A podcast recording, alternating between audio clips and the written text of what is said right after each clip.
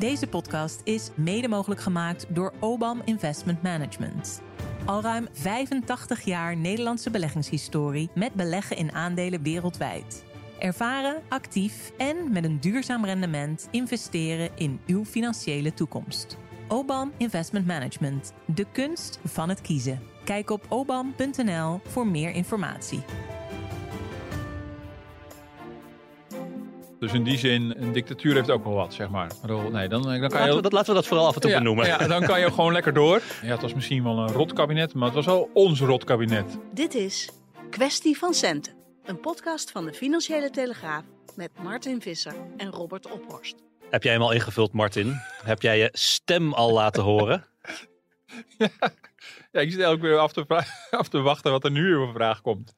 Ehm, even kijken, ik heb iets moeten invullen. Wat heb ik ingevuld, eh, Robert? De enquête van de Europese Centrale Bank. Oh ja, Want, eh, ja, Alle ja. Europeanen mogen meedenken over de thema's voor de volgende reeks Eurobankbiljetten. Die gaan een, eh, een kleine meter of een grote metamorfose ondergaan. Ja.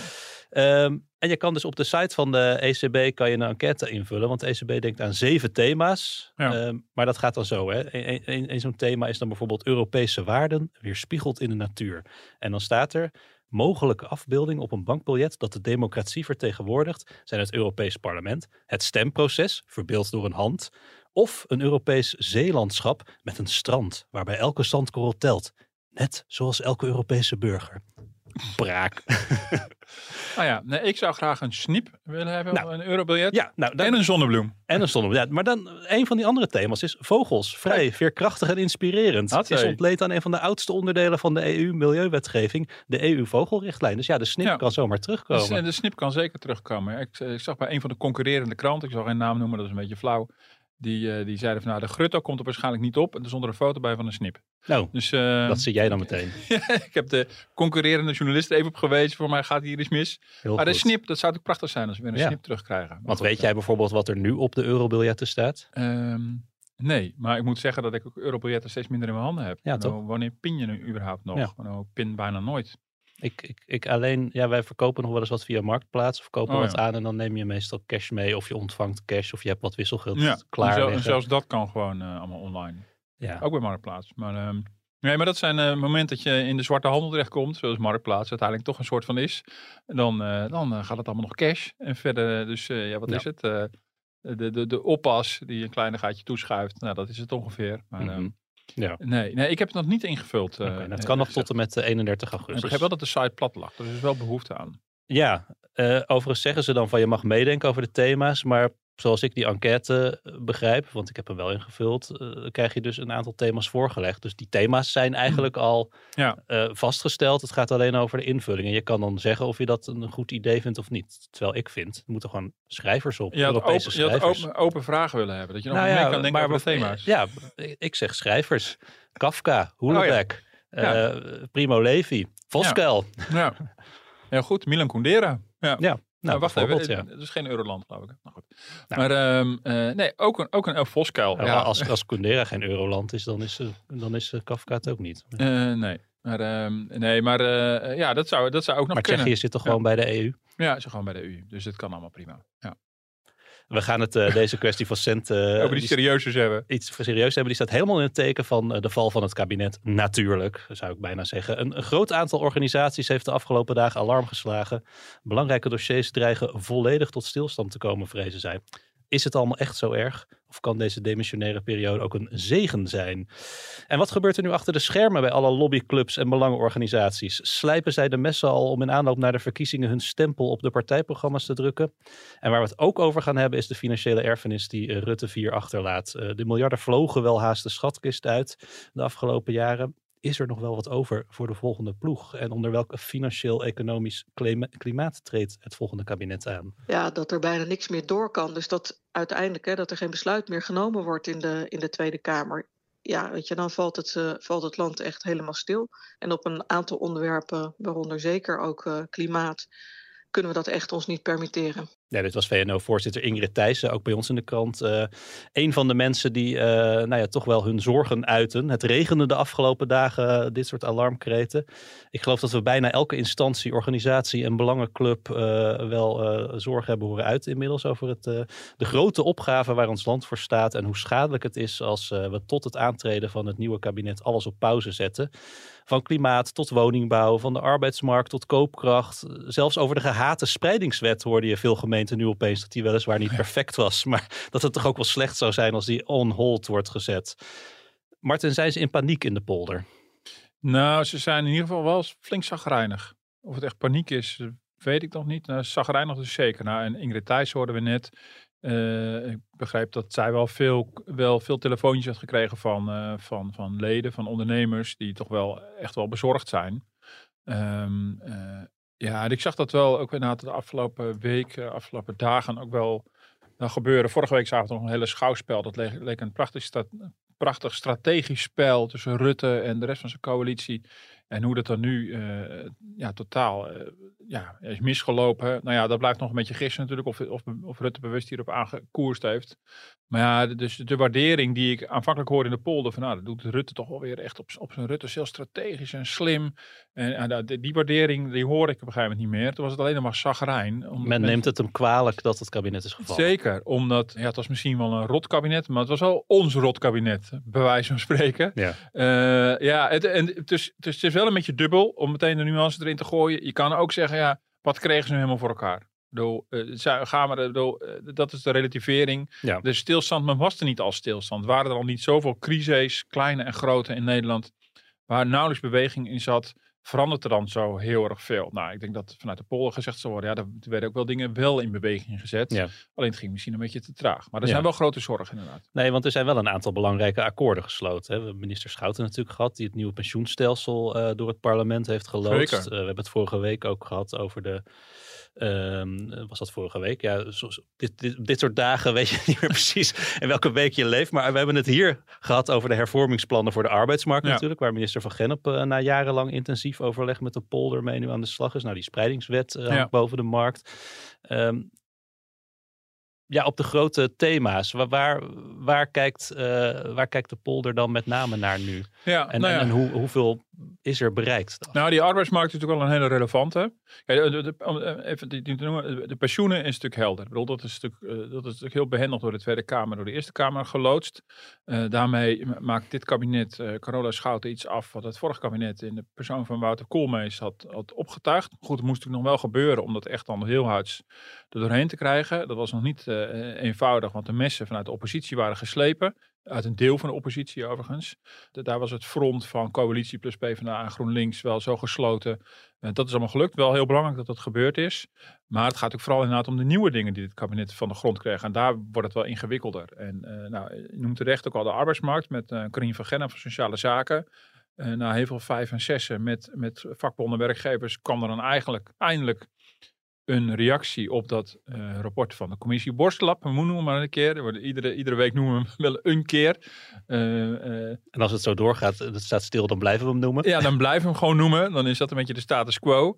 En er kwam dus een, een, een heel uitgebreide reactie en, en, en een aankondiging van ongeveer 37 maatregelen die vooral te maken hadden met de flexibilisering van de arbeidsmarkt, met hoe om te gaan met nul-uren-contracten, tijdelijke contracten, ZZP'ers, allemaal dat soort thema's. Ja, kijk, dat valt ook helemaal stil. Formeel gaat de Tweede Kamer daar nog over beslissen na het reces. Dus na de vakantie gaan ze beslissen welke onderwerpen mag een kabinet nog wel oppakken en welke niet. Die worden dan controversieel verklaard, zoals dat dan heet.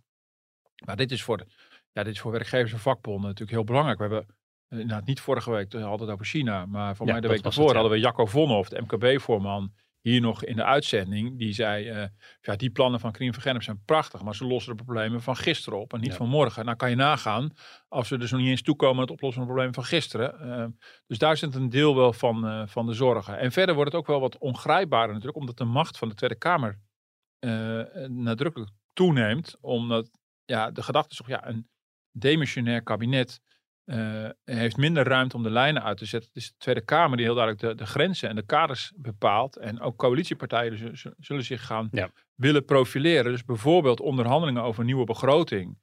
waar eventueel extra geld eh, te verdelen is, waar bezuinigingen afgesproken moeten worden, maar ook een koopkrachtpakket in elkaar moet worden gezet. Dat is een veel lastiger proces ook voor werkgevers en vakbonden om daar goed op te zitten. Ja, want je weet als uh, Jacco Vonhoff zijnde of Ingrid Thijssen zijnde, bij, als er een kabinet zit, weet je bij wie je moet zijn. Gewoon op het desbetreffende Ja. ministerie. Maar als het bij de deels ook het lot eh, van de maatregelen in de handen van de Tweede Kamer ligt, ja, waar, waar moet je dan Ja, aankloppen? dan wordt, het, dan wordt het ook een stuk lastiger. Dus ik kan me voorstellen dat het inderdaad veel ongrijpbaarder wordt. De Tweede Kamer zal, eh, eh, heeft toen al aangegeven, iets van een koopkrachtpakket moet er wel komen. Maar ja, in een groot deel van de Tweede Kamer is het heel populair om financiële tegenvallers neer te leggen bij het bedrijfsleven in de vorm van belastingverhogingen. Het zou natuurlijk zomaar kunnen zijn dat het allemaal wel wat, wel wat wilder wordt in die zin als de Tweede Kamer eh, eh, Ja. een veel grotere stem krijgt. En dan heb je natuurlijk de hele, hele ehm, dossier van woningbouw, wegenbouw, dus de hele infrastructuur. eh, s- nou samen met stikstof. Ja, ik bedoel, de kans dat het nu sneller wordt opgelost is natuurlijk veel kleiner geworden. En daar ligt ook een groot deel van de zorg. Eh, Ingrid Thijs, eh, VNO-voorzitter, die zei bij ons in de krant ook van eh, de verkiezingen zijn op zijn vroegst in november. Dan krijgen we waarschijnlijk een lange formatie. En voordat nieuwe bewindspersonen een beetje op stoom zijn, ben je zo twee jaar verder. Ja. Dat kunnen we ons niet veroorloven. Maar ja, als je zo redeneert, dan komen verkiezingen eigenlijk nooit op een goed moment, Nee. toch? Nee, nee, dat klopt. Dus in die zin, een dictatuur heeft ook wel wat, zeg maar. Nee, dan, dan kan Laten je... we, dat, laten we dat vooral af en toe ja, benoemen. ja, dan kan je gewoon lekker door. En Ja. eh, dat, is, dat is zeker zo. Dan hoef je ook niet zo rekening te houden met draagvlak. Dat is ook wel prettig. En eh, omgekeerde vlaggen, ja, dat, dat, dan weet je ook wel wat je... Daar kan je dan ook wel raad mee als dictator. Nee, een beetje flauw misschien, maar inderdaad. Verkiezingen zijn in, in die zin, in voortzetting van beleid, soms een hinderpaal. Maar je hebt in ieder geval wel een, eh, als een kabinet te blijven zitten, wel eh, een, een, een logische flow waarbij na verkiezingen komt een nieuw kabinet en dan een Mhm. nieuwe minister. En die heeft al ongeveer jaren tijd nodig om wetgeving echt in Ja. gang te zetten. Maar die heeft daar dan ook, dus, dus eh, bedoel, als je vier jaar hebt, jaar één ben je nog dingen eh, op poot aan het zetten. En jaar twee en drie ben je vooral bezig om die wetgeving allemaal door de Tweede Kamer te loodsen. En jaar vier misschien nog de laatste restjes, maar dan ben je alweer aan het uitbuiken, zeg maar. Ja. Eh, kijk, en als, als dat proces nu ruw na anderhalf jaar wordt doorbroken, dan komt er dus niks op gang. En dan heb je dus gewoon twee keer achter elkaar heb je die opstartfase. En dat, dat betekent dus in die zin eh, ja, dat je gewoon echt wel enorme kans hebt gemist. En dat er nu veel meer tijd eh, overheen gaat voordat iets nieuws Ja. komt dan normaal gesproken. Maar je hebt wel gelijk, er zit altijd zo'n cyclus in. Maar dan is natuurlijk het idee dat je in vier jaar tijd uiteindelijk wel iets neer kan zetten. Ja, en dat is nu, ja, dat lukt op heel veel dossiers nu niet. nee. Eh, FNV-voorzitter Elsinga, die, die maakt zich ook zorgen. Bijvoorbeeld over de regeling voor mensen met een eh, zwaar beroep. Die eerder Ja. willen stoppen met werken. Maar hij is ook wel iemand die eh, zegt, ook bij ons in de krant, van ja, het land lag al stil. Ja. Rutte 4 had grote ambities, maar eigenlijk was er nergens voldoende draagvlak voor. Ehm, ja, het is ook niet de eerste keer dat een kabinet valt. En Dat hebben we ook overleefd met Ja, z'n allen. Nou, jij, hebt zelf in Brussel gewerkt. Ja. Ook gewoond dus en Ja. geleefd. Nou, daar zitten ze om het zacht uit te drukken ook wel eens tussen twee kabinetten in. Nee, zeker. Dus daarom moet je dat ook heel erg relativeren. Ik bedoel, het land staat stil. In die zin, ja, wij staan niet stil. We werken gewoon door. En dat geldt voor onze, onze luisteraars ook. Je, je blijft gewoon doorademen. En eh, we, gaan, eh, we werken gewoon. De economie draait gewoon door. Eh, dat is, dus in die zin moet je het allemaal heel erg relativeren. Het is niet zo dat er niks gebeurt. Nou, in België, daarvan is bekend dat formaties soms zo lang duren. dat ook wel eens uitgezocht is hoe heeft de economie het dan gedaan in die tussentijd. Nou, daar kwam wel eens een onderzoekje naar voren dat de economie in, in tijden dat er geen regering zat het beter deed dan in de tijden dat er wel een regering zat. Dus liever niemand aan de knoppen dan iemand aan de En knoppen. is dat een, puur Belgisch fenomeen of zou dat in Nederland ook zo kunnen zijn? Nou, dat zou je misschien ook nog wel eens kunnen zijn. Overigens, ik weet het niet hoe serieus het moet nemen, maar je voelt ook wel een beetje aan van. Het is niet zo dat beleid altijd het juiste beleid is. Eh hangt ook een beetje van je politieke voorkeur af.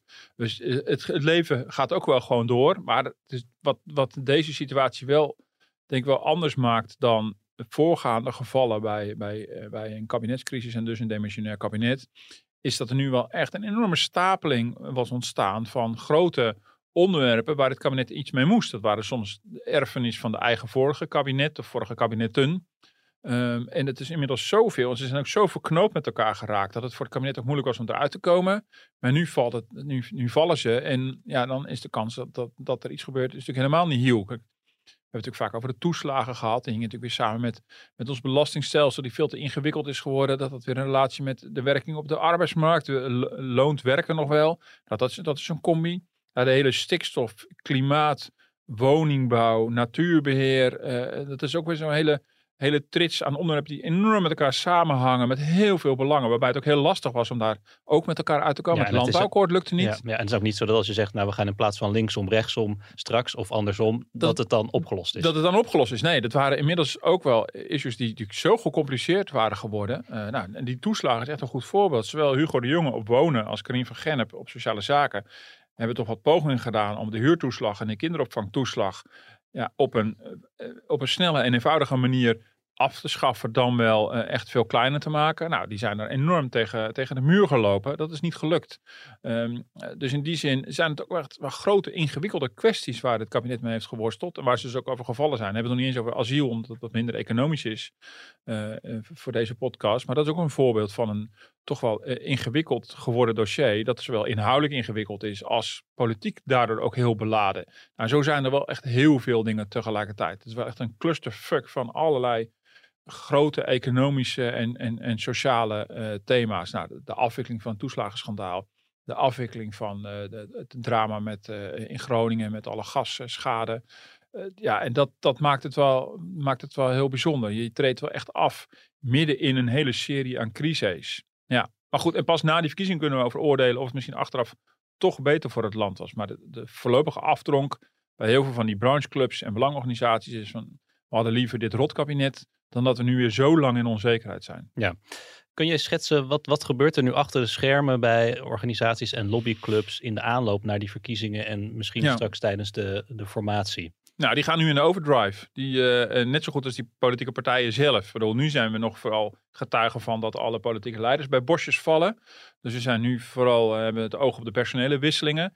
Maar terwijl bij de politieke partijen die nu als een sodemieter al die verkiezingsprogrammacommissies uh, in actie moeten komen, uh, zijn de lobbyclubs natuurlijk daarop gericht. Want het idee bij de lobby is dat je natuurlijk niet pas gaat lobbyen als een minister alle wetten aan het maken is. Dan, dan ben je al vrij laat. Uh, ook niet pas bij het regeerakkoord, dan ben je ook te laat. Maar je moet beginnen voordat de verkiezingsprogramma's ja. zijn opgesteld. En hoe ziet dat er dan uit in overdrive gaan? Nou ja, dat betekent dus dat ze nu heel snel uh, aan het inventariseren zijn van wat zijn alle belangrijke thema's. Waar gaat het wel en niet stilvallen? Uh, ze zullen een beeld moeten hebben van, uh, van alle verkiezingsprogrammacommissies, wie zit er allemaal in. En een beeld moeten gaan krijgen waar gaan de verschillende partijen heen. En dan moet het natuurlijk, ja goed, in de zomer valt het sowieso wel een beetje stil, want de meeste mensen gaan nog wel op vakantie. Ik denk dat niet iedereen meteen zijn vakantie heeft opgezegd. Het is ook wel goed om even, ook voor die mensen, gewoon even tot rust te komen. Zodat je ook weer uh, fris uh, half augustus kan starten. Maar dan moet ook heel snel die lijntjes worden gelegd met al die verkiezingsprogramma's, commissies. want ja, als je dus bepaalde ideeën hebt over hoe het verder moet met, veel, de belastingen voor het bedrijfsleven, ik noem maar wat. Of het beleid rondom ZZP'ers. Of met de klimaatmiljarden dan, dan wil je als, als belangenclub vooral ja, echt aan de bron zitten. En dat zijn die verkiezingsprogramma's. Want die zijn toch vaak wel. Uh, ja, we hebben misschien soms als kiezer het idee van. Ach, het maakt toch niet zoveel uit wat er in die programma's staat. Want ze doen toch maar wat. Dat is een beetje een populaire opvatting. Maar je, je ziet toch wel vaak in die verkiezingsprogramma's al wel de eerste contouren ontstaan. van waar de consensus is rondom thema's. Nou, om zo'n borstlap meer als voorbeeld te noemen. Hebben we weer een keer met de arbeidsmarkt. Je zag in verkiezingsprogramma's de vorige keer dat iedereen dat advies omarmde. Iedereen omarmde wel een ander deel. Maar goed, er ontstond al wel een beetje consensus rondom belangrijke thema's als, als flexibele arbeid en ZZP en dergelijke. En het vaste contract. En, uh, en dat zag je dus ook weer terug in die formatie. Want als op een gegeven moment partijen de formatie ingaan, dan nemen ze natuurlijk hun verkiezingsprogramma mee. Dat is toch hun, dat is toch hun basis. Dus, dus al die belangenclubs zijn natuurlijk nu vooral daarop gericht. En dat wordt aanpoten uh, voor die clubs. Bijvoorbeeld voor de SER, Sociale Economische Raad die was al bezig met een lange termijn agenda op te stellen. De economie van de toekomst uh, noemen ze dat. Gaat over alle grote thema's voor de komende jaren. Ja, dat heeft geen zin om daar mee te komen als er verkiezingen zijn geweest en het regeerakkoord al half in de stijger staat. Dus die gaan nu ook extra hard werken om te kijken of ze ergens in het najaar toch al met een stuk kunnen komen. Want daar is weer het belang. Als zij erin slagen om, om uh, werkgevers en vakbonden op één lijn te krijgen, dan is het als lobby natuurlijk nog krachtiger dan wanneer ieder voor zijn eigen belang uh, aan het lobbyen is. Volgens het Centraal uh, Planbureau wordt de kans steeds groter dat onze economie zal krimpen. Sombere prognoses voor onze economie. Risico van recessie neemt toe. En dan overheerst er toch een soort, soort grafstemming, want we zitten in een recessie. Langdurige inflatie in combinatie met recessie. Economie op het randje van recessie. Recessie, recessie, recessie. Eh, Ja. Of die er ook komt, dat moeten we afwachten. Maar er staat wel een aantal seinen op rood. Daar hebben we het hier ook eh, eerder al over gehad, Martin. Ehm, onder wat voor financieel-economisch gesternte treedt het volgende kabinet straks nou aan? Ja, onder een totaal andere dan de twee voorgaande, kan ik wel zeggen. En ehm, ik bedoel, ja, die recessie die dreigt nog steeds. Ik zag bijvoorbeeld in de prognose van ING, de ING-bank, die verwachten een technische recessie. Dat betekent dat je twee kwartalen dan krimpt. Ehm, maar het is ook vooral stagnatie. Het is, eh, eh, dus het is een combinatie en dat is relevant voor, voor een nieuw kabinet. En ook al relevant voor, voor het demissionaire kabinet. Is dat we in een periode zitten waarin het Hosanna-gevoel van na corona eh, echt wel ten einde is. Dus het is een stagnatie met nauwelijks economische groei. Ja, gecombineerd met een hele hoge inflatie, wat een impact heeft op de koopkracht. Da- Daar moet je als politiek iets mee. En we weten niet hoe lang dat nog blijft duren. Eh, eh, ja, en dan voor de schatkist van belang dat de rente natuurlijk fors is gestegen. Dus we hebben natuurlijk eh, in dit, dit, dit, dit vertrekkende kabinet dacht nog dat geld gratis was. En heeft alle politieke problemen op willen lossen met heel veel geld. Maar dat was toch eigenlijk een beetje nog de mindset van het kabinet daarvoor. Dat was toch een beetje de mindset nog van Wopke Hoekstra, die destijds zei dat hij diepe zakken had. Waarmee hij de coronacrisis kon bestrijden met bakken met geld. Omdat, omdat het de staat niks kost om te lenen. Kijk, en dat is inmiddels anders. De, de, de, de, ik bedoel niet dat de rente nou krankzinnig hoog is, maar het is toch al een aantal procenten. Ehm, maar dat betekent dus dat het niet meer gratis is. En ik- dat het niet kosteloos is om maar te blijven lenen. Want dan ga je op een gegeven moment de staatsschuld zien oplossen. Wat tot nu toe nog heel weinig gebeurt. Het Wopke Wiebesfonds hadden we natuurlijk ook op een gegeven moment. Daar werden ja. er miljarden in gekieperd die we Ja. gratis konden ophalen op de markt. En eh, Ja. nou, laten we eens met elkaar over hebben wat we met dat geld gaan doen.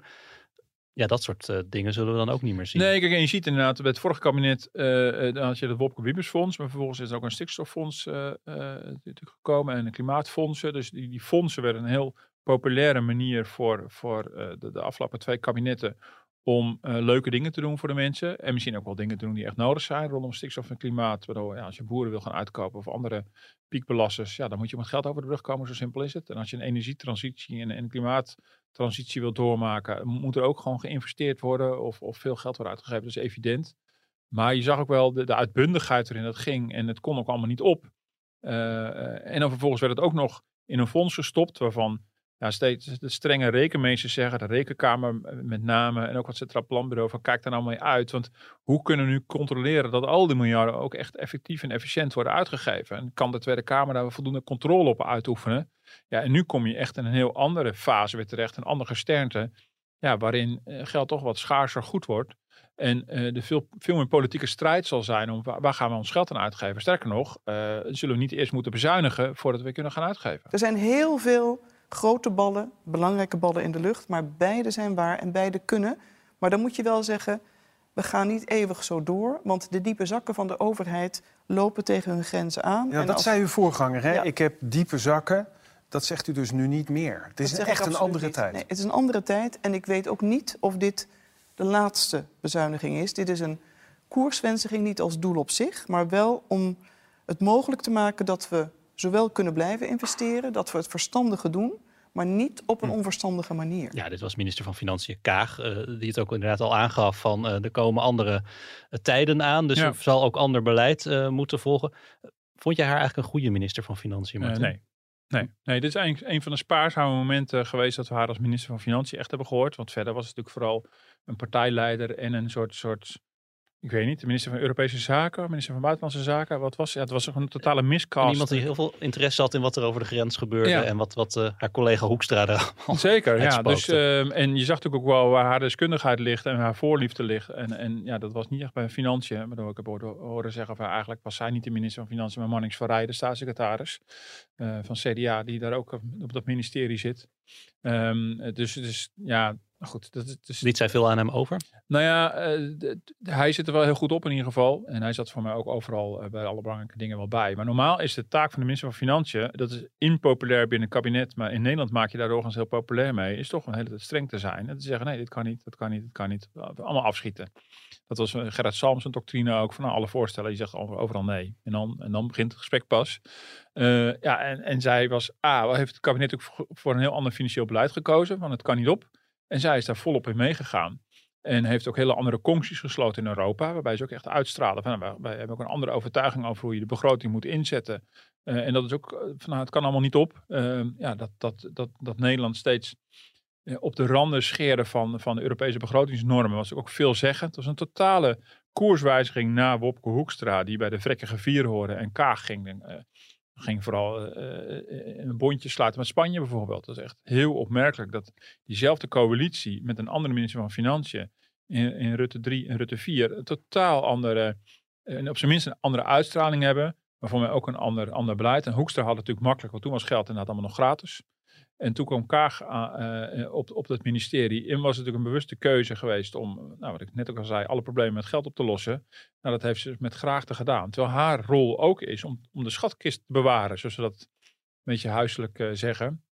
Of huiselijk, ik heb geen schatkist thuis, maar het is een beetje de populaire. Je ziet het, het is in ieder geval beeldend. Ja, het is in ieder geval beeldend. En hier deed ze dat dan in het interview buiten, of dan wel een beetje voor het eerst. Verder moet ook bezuinigd gaan worden. Ja. Maar verder zat ze er niet heel erg op. En ja, dus heel erg voor gewaarschuwd, ook de Nederlandse bank.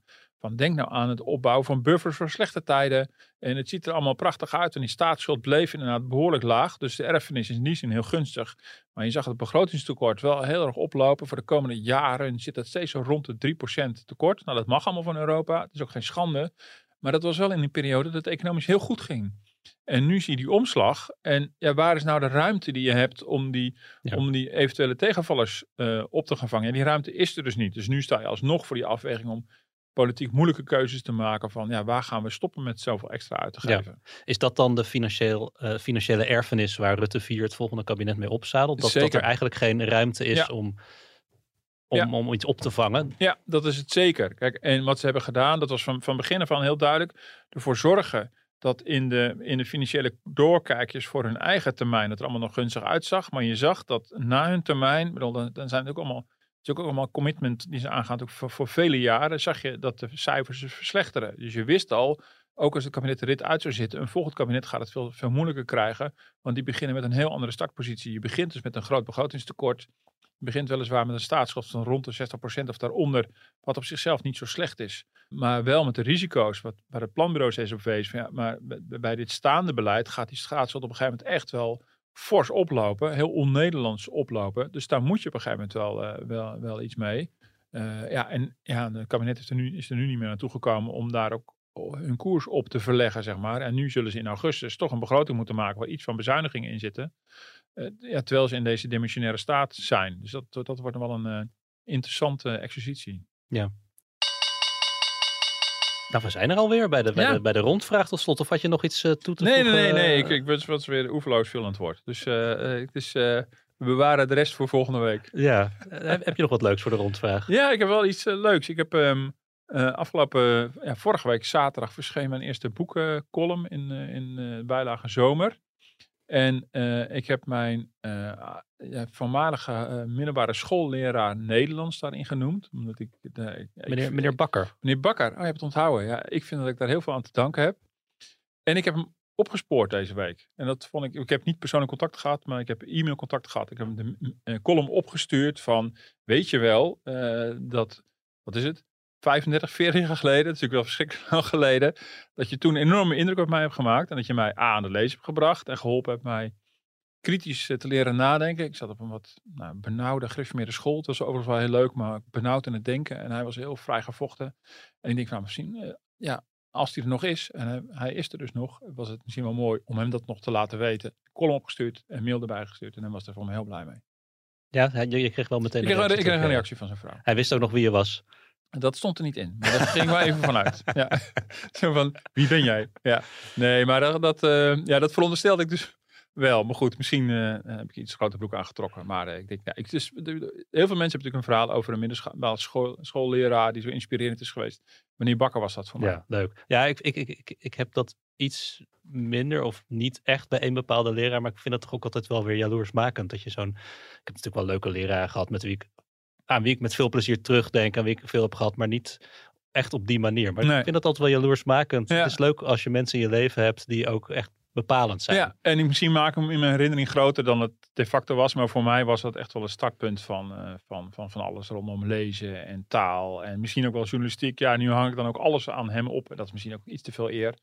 Maar eh, ja, weet je, dan ben je een puber en dan kan Ja. één iemand toch heel veel indruk maken. Op. Ja. Nou, eh, komende zaterdag deel 2 van jouw eh, zomerserie. Ja. Eh, kan je al een tipje van de Nou ja, ik heb het al, al de laatste al een keer genoemd eh, dat ik die zou gaan bespreken. Het gaat over Murakami. Oh dus, eh, de Japanse schrijver. Dus die staat er aanstaande zaterdag Ja, eh, leuk. in. Ja.